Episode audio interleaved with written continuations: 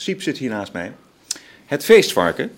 Uh, jij wilde heel graag beginnen en eindigen met een uh, stukje lezen. Mm -hmm. uit jouw nieuwe boek 70. Ik wil je toch eerst eventjes feliciteren met je verjaardag.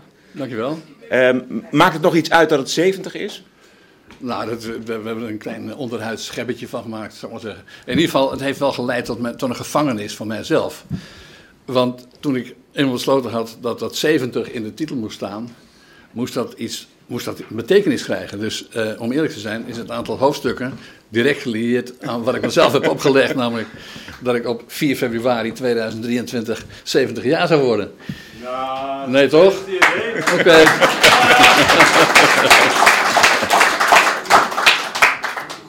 maar ik zal u dus vertellen, uh, er waren 50 uh, hoofdstukken al binnen of meer beschikbaar. Maar eh, dat was eh, rond kerst en nieuwjaar nog vrij hard werken om die 70 vol te maken. Ja. En dat, uh, maar, maar ook wel, zoals de dichter ook beter dicht als hij in sonnettenvormen moet dichten, heeft het in mijn geval denk ik ook wel meerwaarde gehad. Dat ik dus besloten had dat het, dat het vrij korte stukken moesten zijn, want anders zou het boek te dik worden. Dus je maakt wel 70 hoofdstukken, maar het moet niet al te gek worden. Uh, en dus dat dwingt ook tot, ja, tot een, een compacte stijl. En, uh, en dus dat, uh, het boek is er niet beroerde van geworden. Nee. Um, de, toch een paar wat langere stukken. je wil beginnen met het, een stuk over de Familiebrug, denk ik. Ja, althans, het is van het hoofdstuk de Familiebrug. En dat hoofdstuk dat is misschien wel 30 bladzijden of zo. Uh, maar ik wil een klein fragment, uh, dat voor sommige mensen verrassend zal zijn qua inhoud. Dus het hoofdstuk, de Van Mierlobrug, uh, de Van Mierlobrug, dat is brug 18, of brug 19, dat weet ik niet precies, in het centrum van Amsterdam. En van, zeker naarmate je in mijn huis hoger komt, huisje hoger komt, dan zie je meer van een Van Mierlobrug.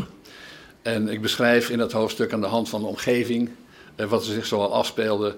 bijvoorbeeld dat de Herengracht eerst Van van D66 de oprichter, zeg maar, min of meer.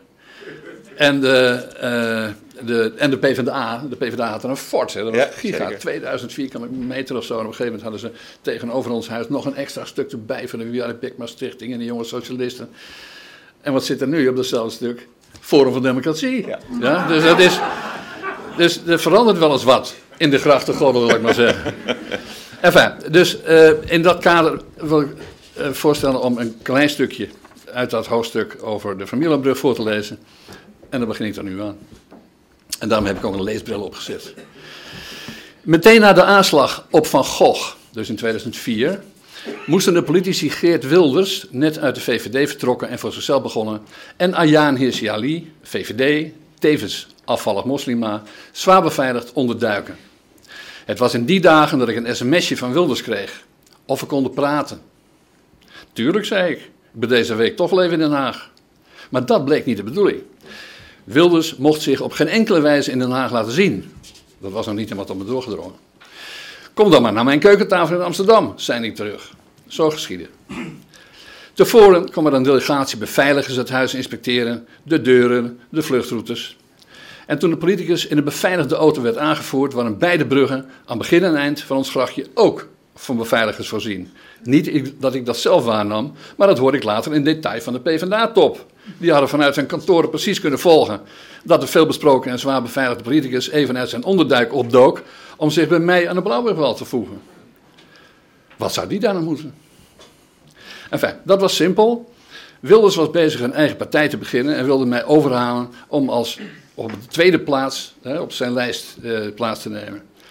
Ik moest hem teleurstellen, ik wilde de politiek niet in en dan hoefde ik verder niet eens na te denken of ik wel met zijn partij in zee wilde. Wat ik misschien niet zei, maar wat zeker ook waar was, ik zou volkomen ongeschikt zijn voor fractiediscipline en trouwens in welke partij dan ook. Wilders legde zich er snel bij neer, maar begon wel te vissen wat zijn partij naar mijn idee dan het beste kon doen en wat voor naam daar dan bij hoorde. Dus hij had nog niks eigenlijk. Het trof want net de vorige avond had ik in hetzelfde onderwerp met Pamela Hemelrijk, die journaliste, columnist van het AD, in het café om de hoek uh, doorgenomen aan de bar van Café de Klepel. Wat iedereen belangrijk vindt, maar de VVD heeft laten liggen na het vertrek van Bolkestein, zei ik tegen Pamela. want we hadden dus een beetje anticiperen op het gesprek met Wilders. Dus ik zeg immigratie, veiligheid, sceptisch over de EU. En ik had tegen, tegenover Pamela Helmerijk ook al een beetje een valsig idee voor een naam van de partij van Wilders uitgeprobeerd. Partij van de Vrijheid. Dat was de naam van het liberale partijtje van Heineken-directeur Dirk Stikker, die na de Tweede Wereldoorlog niet met de vrijzinnig democraten van Pieter Oud was opgegaan in de PvdA, maar een meer conservatief-liberale route bewandelde. In 1948 stapte Oud uit de PvdA en richtte hij samen met Stikker de VVD op. Dat was meteen het einde van de Partij van de Vrijheid, dus die naam die zou wellicht vrij zijn. Tot mijn verrassing bleek Wilders toch jarenlang actief in de VVD, die voorgeschiedenis van de VVD zelf dus niet te kennen. Maar hij, kno hij knoopt het kennelijk wel goed in zijn oren. Ik neem even een slokje van onze... Maar Wilders knopte dus dat verhaal wat hij bij mij aan de keukentafel had uh, gehoord, uh, kennelijk wel goed in zijn oren, want anderhalf jaar later richtte Wilders zijn partij op. Partij voor, dus niet van, maar voor de vrijheid. Het stond ochtends in de Volkskrant. Even later piepte er een sms'je binnen. Nou, bedankt Siep. Een enkele andere partij heeft ook wel eens zitten vissen of ik niet de politiek in te praten was. Maar niemand was zo hardnekkig als Thierry Baudet. Althans, in de dagen dat hij nog geen krokodillencomplotten zag. Als leider van een partij in opkomst had Baudet mij graag aan zijn zegenkar willen binden. Lijsttrekker hier, informateur daar, wat niet al. En ja, ook hij heeft, gasvrij als ik ben, wel eens aan die fameuze keukentafel gezeten. Baudet is niet voor één gat te vangen. Aan het eind van de eerste coronazomer was hij kennelijk nog vol zelfvertrouwen over de parlementaire toekomst van zijn partij. Terwijl ik met twee volle tassen van de Albert Heijn door de stromende regen naar huis baggerde, stond Baudet met een van die jonge mannen uit zijn entourage te schuilen op de hoek bij zijn hoofdkwartier. De begroeting was hartelijk. En oh ja, hij wilde nog iets vragen. Ze maakte goede kans de volgende verkiezingen te winnen, zei hij. Of ik dan premier wilde worden. ik zeg, zullen we de uitslag eens maar afwachten, Thierry? Brede grens. Ja. Geweldig. Ja, het leuke van dit fragment is dat je uh, merkt dat jij heel erg dicht toch ook op de politiek en de politici zit vooral. Hè? Uh, Baudet benadert jou niet uh, zomaar en ook de PVV natuurlijk, Wilders. Maar er is eigenlijk maar één politieke partij waar je ooit echt lid van bent geweest en dat is de Partij van de Arbeid. Ja. En lang. En lang. Ja. En van waar die keuze eerst? Nou, dat was niet zo erg een keuze. Met, uh, ik beschrijf dat over. Dat is ook een heel hoofdstuk. Dat heet Averechts, heet dat hoofdstuk. Dat gaat ook over links. Ja. Maar, uh, uh, ik rolde erin, laat ik het zo zeggen. Dus ik was toen een soort paradiso in Groningen aan het oprichten. De voormalige studentenclub Vera. Bestaat allemaal nog steeds. Bron van trots, mijnerzijds. En, maar ik werd tegengewerkt door die PvdA die daar in Groningen de baas was. Dus de landelijke PvdA, de staatssecretaris Wim Meijer was dat, die had ik al mee en de, de, hele plaatselijke politiek. Maar het probleem met die PvdA in Groningen was, dat was het PvdA van Jacques Van Laag en Max van den Berg.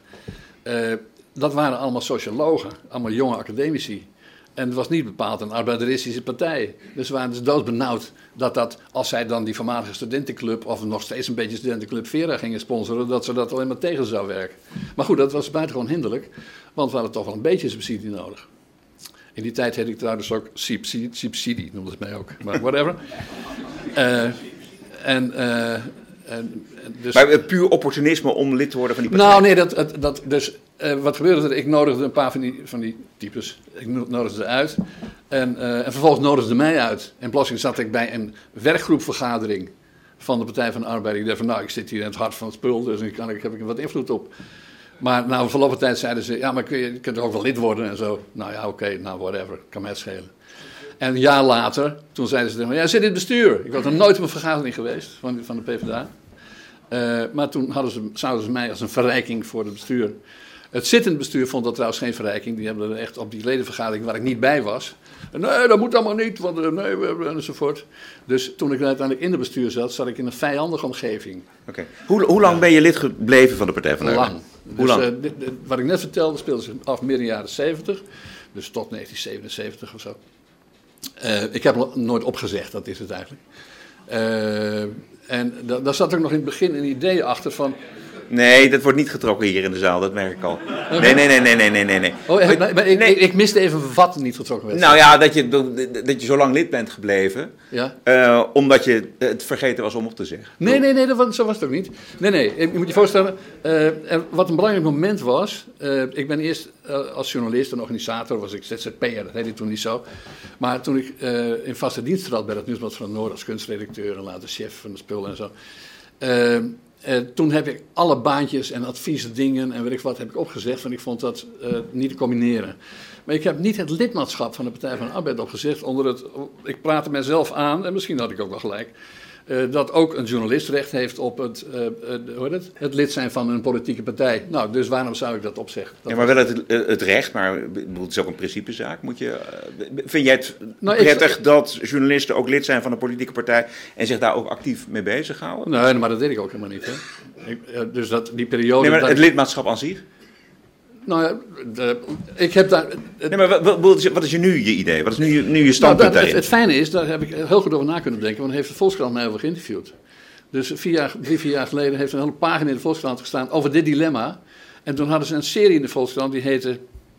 eh, eerst vonden ze dit en daarna vonden ze dat. Ja, zoiets, ja, ja, in. De draai. De draai, zoiets zou dat hebben geheten. Dus ik heb dat eh, uitgelegd dat ik, dat, eh, dat ik nu tegen anders tegenaan keek. En dat, ik, en dat is natuurlijk nog eh navranter, omdat ik in die tijd dat ik bij die kunstredactie zat, hield ik me niet per se, of niet in de eerste plaats bezig met politiek. Maar naderhand ben ik wel over politiek gaan schrijven en heb ik dat lidmaatschap nog steeds niet opgezet. Dat was onverstandig. Overigens was dat heel gebruikelijk. Dus ik wil dat. Wil, dat Nee, bedoel- ja. En, Maar, en, en- maar, maar- en, en treurig genoeg heel gebruikelijk. En misschien nog wel gebruikelijk, maar dat weet ik niet. Oké, heb je het lidmaatschap inmiddels opgezet? Ja, ja, eh, twintig jaar geleden of zo. Maar, nou ja, maar toch rond 2000 pas of zoiets. Oké. Ik heb overigens nooit dat speltje gekregen van het 25 jaar lidmaatschap. Terwijl ik daar, goddammit, wel recht op had gehad. Ja? Goed. Ehm, je had het over de, het boek, 70. Misschien kunnen we het nog. Oh ja, daar staat het natuurlijk. Ehm, dat gaat over jouw. Ja, het gaat natuurlijk over jouw leeftijd, maar het gaat ook over wat je.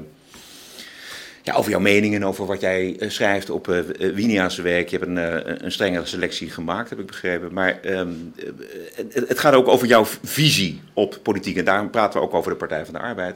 Eh, dat is natuurlijk iets waarvan je nu denkt: van ja, heb ik het ooit. Ja, je, het is niet zo dat je je excuseert, maar het was een soort terloopse jeugdzonde eigenlijk. Ja, maar niet, maar niet uitsluitend. Want eh, ik was het heel erg eens met wat die, eh, met die, wat die Max van den Berg bijvoorbeeld deed aan stadsvernieuwing. Dus eh, zij waren daar buitengewoon terecht vooruitstrevend in. Dus je had, Maar in Amsterdam al die, de, de wat, afbraak wat, van wat die net oude bij. Maaike ook al even langskwam. Ja. Dus het afbreken, het, wa- het was niet alleen in Den Haag zo, en, en ook niet alleen in Amsterdam.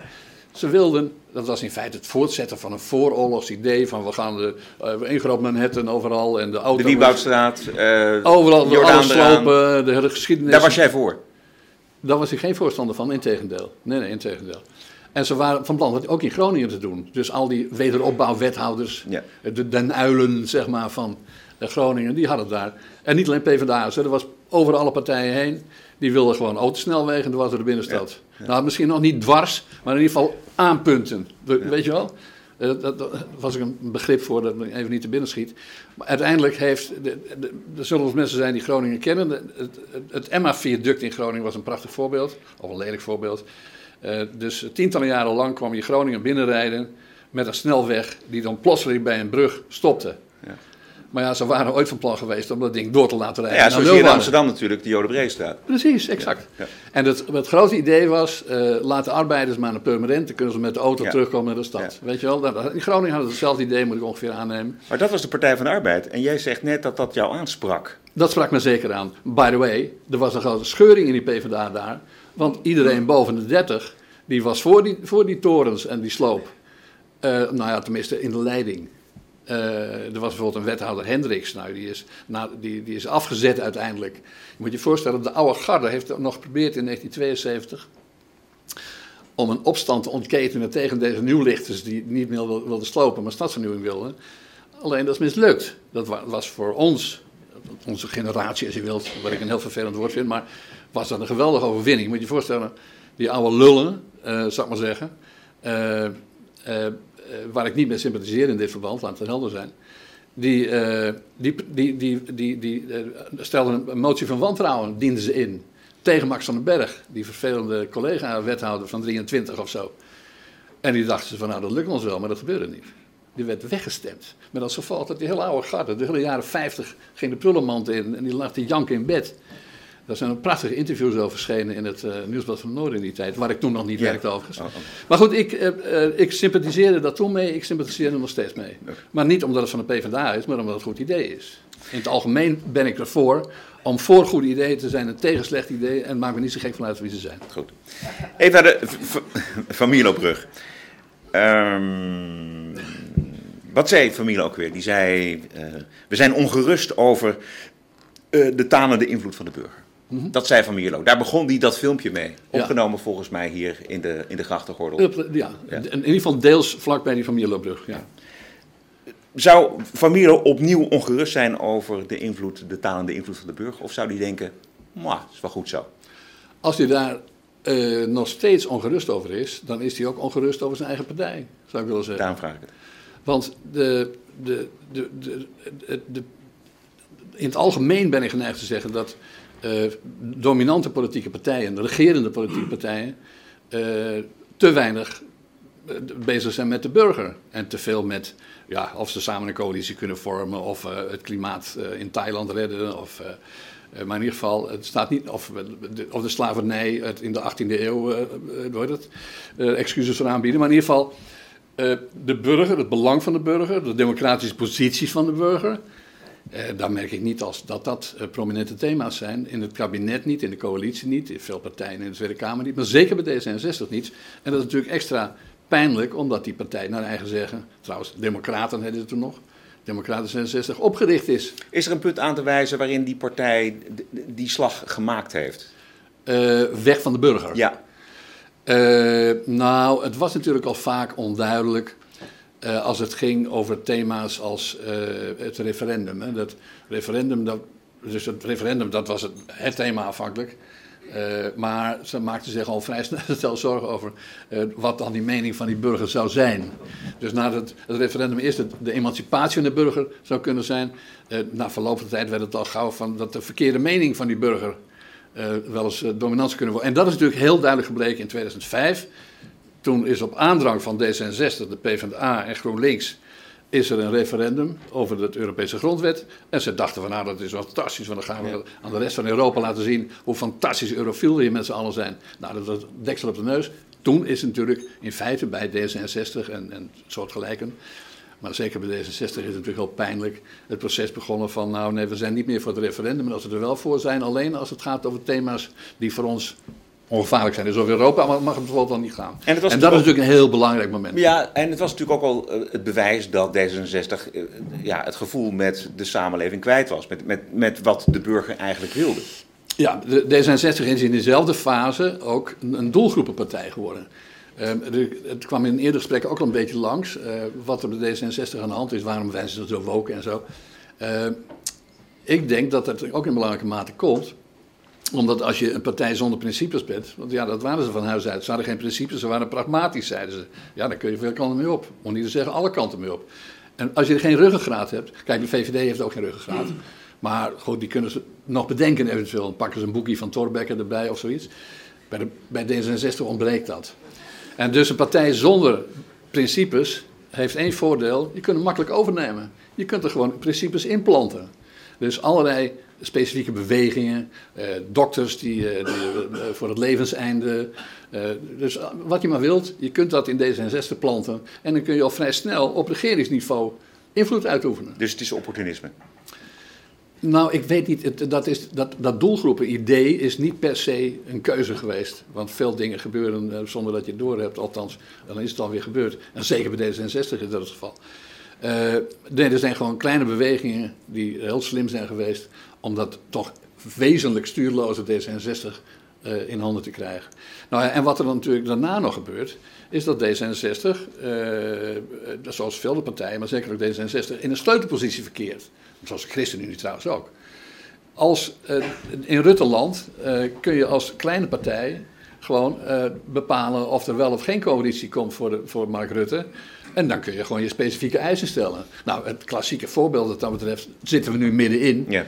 Een jaar geleden uh, nam uh, de, de leidster Sigrid Kaag van, van D66. Die deed A, dat ze als een verkiezing had gewonnen. Ze had een paar zetels gewonnen, dat is waar. Maar ze, had, ze was niet de grootste. Uh, met wat is het, 4, 25 zetels uh, is het merkwaardig dat je het hele regeerakkoord kunt dicteren. Ja. Ik noem dat in het boek, heb ik daar een begrip voor, dat zeg ik ook weer, hefboomdemocratie. Ja. dus als je, als je een, een paar spra spraakmakende, oh, opiniebepalende lieden in Amsterdam hebt en in Hilversum, waar dat is ongeveer hetzelfde, dan, en dan, dan toeter je wat rond en dan neem je via een doelgroepje neem je D66 over. En wat bijvoorbeeld een klassiek voorbeeld in dit verband is, wat je bij het klimaatbeleid hebt gezien, is dat Milieudefensie die liet een klimaatwet schrijven. En dat uh, Diederik Samson, die toen was nog partijleider van, uh, van de Partij van de Arbeid, uh, die, die, kwam bij Greenpeace vandaan, dus die was er hartstikke voor. En misschien regeerde Greenpeace toen wel, weet ik veel. Dat, soms zou je dat denken. Maar in ieder geval, die ging dus met, met Jesse Klaver praten. En dus de, de klimaatwet werd een plan van de PvdA en, en GroenLinks. Nou, na die verkiezingen van, wat was het inmiddels, 2017 geloof ik. Uh, waren dat uh, samen in ieder geval twee kleine partijen. Maar omdat D66 steeds het klimaatprogramma van GroenLinks overnam. D66 wilde de GroenLinks ja. kiezers. Dat is goed gelukt, hè? Ja. Trouwens, by the way. Het zou nu weer andersom kunnen gaan, maar dat is een ander verhaal. Maar in ieder geval, uh, dus D66 nam het, het, programma van GroenLinks over. En GroenLinks had het programma van Milieudefensie overgenomen. En uh, ondanks het feit dat je hier over relatief kleine bewegingen hebt, als je het regeerakkoord hebt, dan heb je het land. Ja, maar goed, daar heb je dus een persoon als Rutte voor nodig. En als er één persoon in jouw boek vaak voorkomt, volgens mij de man met de meeste uh, mentions in jouw boek is Mark Rutte. Ja. Is Mark Rutte een obsessie van je geworden? Nee, maar ik ben wel gefascineerd door hem. Ja. Maar ik heb, hoop ik, een gezonde fascinatie voor hem. Ja. Want laten we wel zijn, hij is natuurlijk de belangrijkste politici van Nederland van de 21ste eeuw. Uh, want hij zou moeten wedijveren met uh, Jan-Peter Balkenende. En uh, die komt trouwens ook voor in het boek. Ja. als een effectieve, ik geef hem meer credits dan die het meestal krijgt. Rutte? Nee, nee, dat zeg ik over Balkenende. Ja, nee, nee, nee, maar, maar, maar, ik, ik, vergelijk hem met, inderdaad met, met Rutte, die ik als een niet-effectieve premier zie. Mark Rutte is fantastisch in het verkrijgen van de macht en het houden van de macht. En, uh, en er is ook een, een, biografie van hem verschenen, een heel aardige biografie. Een jaar of twee, drie geleden van Peter de Koning van uh, NRC Handelsblad. En die, uh, dat, dat citeer ik ook in het boek.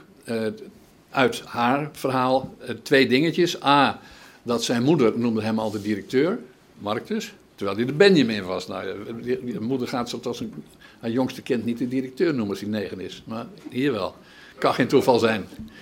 En uh, dat is anekdote 1. Anekdote 2 is dat toen hij in de jaren 14 was, in die, in die tijd ongeveer, ja. toen uh, met zijn beste vriendje, die, zat hij voortdurend te oefenen voor het gesprek met de minister-president op vrijdag. Ja, ja, ja precies. Hij liet, zich, hij liet, zich, interviewen door zijn uh, vriendje van 14. Precies. Staat in het boek, ja. Ja, ja. En het was overduidelijk dat hij aan het oefenen was voor het minister-presidentschap. Ja. Dus directeur of minister-president, maar waarschijnlijk allebei. Maar zeker minister-president. Ja. dus dat is allemaal geen bewijs, maar het past allemaal fantastisch in dat hij er alles voor over heeft om minister-president te zijn. Daar heeft hij, hij hoeft geen privéleven, hij hoeft, hij hoeft niks. Als hij maar minister-president is. En, uh, en dat blijkt ook alles. Daar is hij ook heel goed in. Dat wil zeggen, om die positie te verwerven. Maar ik ben niet blij met wat hij voor het land doet. Waarom? Omdat hij, nou ja, laat ik zo zeggen. Uh, het begint er al mee dat hij nooit een verkiezingsbelofte nakomt. Ja. Uh, dus dat hij, dat, hoe hij omgaat met de waarheid. En het, kijk, hij is een geweldige taalkunstenaar. Maar taalkunstenaars zijn niet per definitie het meest begaafd in het, laten we zeggen, het beschermen van de waarheid en zo. Vind ik wel jammer. In de tijd, in de Rutte-tijd is denk ik uh, uh, de, de, de vanzelfsprekendheid om de waarheid te spreken uh, is verdwenen. Het lijkt dat we nog niet af zijn van hem. Hè? Als je kijkt naar de laatste peilingen, vlak voor die verkiezingen, dan zien we, wat was het bij Ipsos, één vandaag, dan staat hij eenzaam bovenaan met 27 zetels, kamerzetels. Ehm, hij wil zelf helemaal, heeft geen enkele ambitie volgens mij om naar Brussel te gaan of een, eh, of een NAVO-secretaris-generaal te worden of iets dergelijks. Dus hij, eh, dit is het fijnste, wat hij, eh, het fijnste beroep wat er is. Ja, en dat is ook veel van Om de hoek, op de fiets te bereiken, dat is wat hij wil. Nou ja, En wat hem betreft, volgens mij wil hij nog wel twaalf jaar eraan vastplakken. Dat zegt hij ook wel spottend. Ja. Maar dat, of dat echt spottend is, moet je, moet je betwijfelen. Hij heeft een interview gegeven bij, eh, bij nu.nl, wat eh, overal over het hoofd is gezien, tot mijn verbazing. Eh, met kerst, geloof ik. En daarin dan zegt hij, eh, dan zegt hij van dat, dat, dat kon hij met een heel programma aanzetten. Achteraf lijkt dat dan een D66-programma, maar dat, nee, dat, we hebben allemaal doelstellingen en doelen voor 2030. Dus eh, nee, dus overduidelijk, deze coalitie moet wel twee termijnen. Dus dat, het lijkt mij duidelijk dat in ieder geval van plan is om tot 2030 te blijven.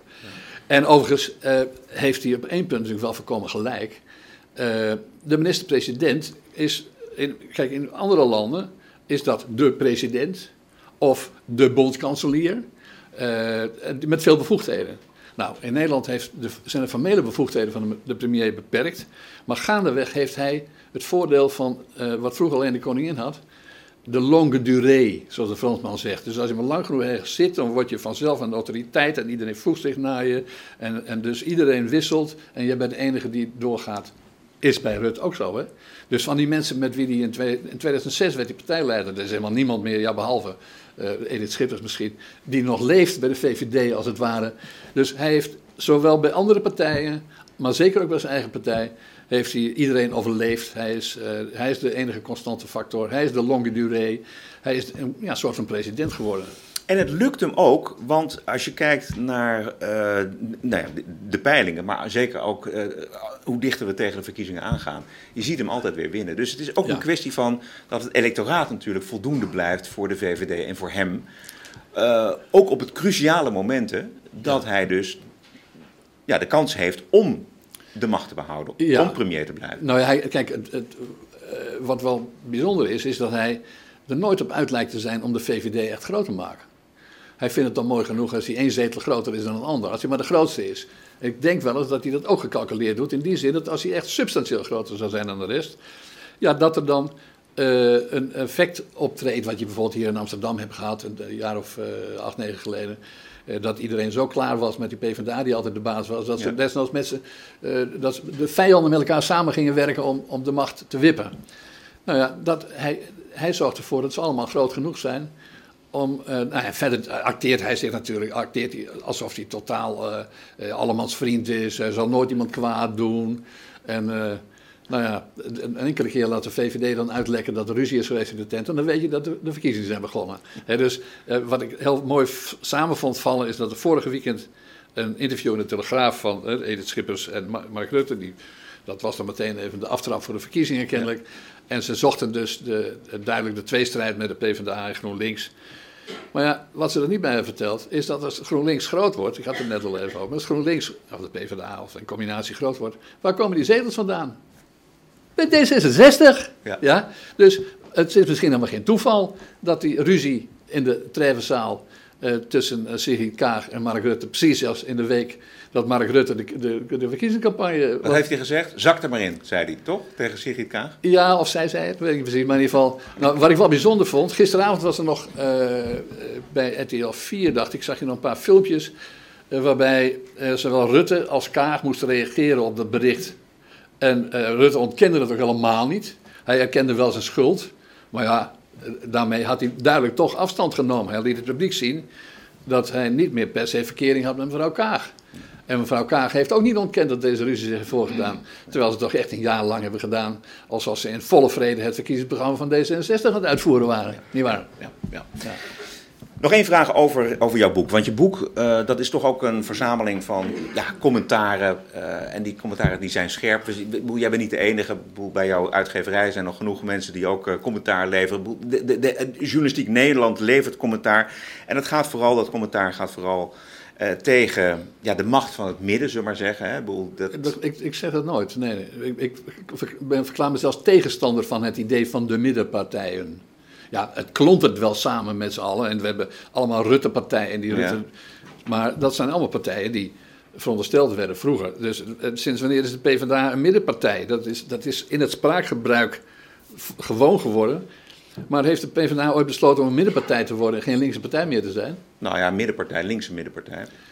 Ja, maar dat, dat midden... Nou ja. Nee, maar wat, wat, wat ik Ja. vragen, ik bedoel, is, het- doet het ertoe om erover te schrijven? Doet het ertoe om elke week weer om, eh, eh, ja, te zorgen dat eh, de mensen die de kritiek krijgen, lezen die ook de kritiek, denk jij? Ik heb dat in het verleden wel meegemaakt dat bleek dat dat zo was. Maar je moet er natuurlijk als verslaggever niet op uit zijn om, om laten we zeggen, indruk te maken op de autoriteiten of zo. Overigens vind ik dat wat jij commentaren noemt ook vaak gewoon analy- analyses zijn met een hele feitelijke basis. En dat kan een commentaarachtige connotatie krijgen.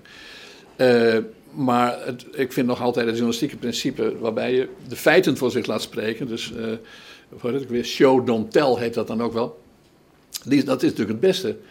Als je gewoon laat zien wat er fout is of anders kan. Of de, de, de hypocrisie. Iets waar jij ook expert in bent. Dat, dat wil zeggen, in dat boek wat we net eh, hebben doorgenomen. We zeggen. Eh, dus eh, Het is niet bedoeld om de macht te beïnvloeden. Het is niet bedoeld om mensen op een Nou, als moment... het goed is, dan heeft dat wel invloed op eh, hoe, er, hoe, hoe er bestuurd wordt, hoe de, hoe de burger bediend wordt. Eh, en daar lever je munitie voor aan. En dan lever je de feiten voor aan, dan lever je eh, desnoods de analyse voor aan. Maar dat is geen doel op zich.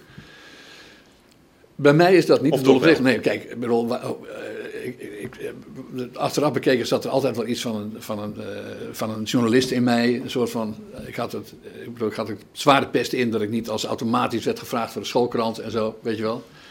Eh, dus dat haal je later allemaal in. En dus als je dat wil doen, dan wil je ook een beetje in de weg timmeren. Want wat, wat heeft het voor zin om eh, op een zolderkamertje te roepen dat je iets hebt ontdekt?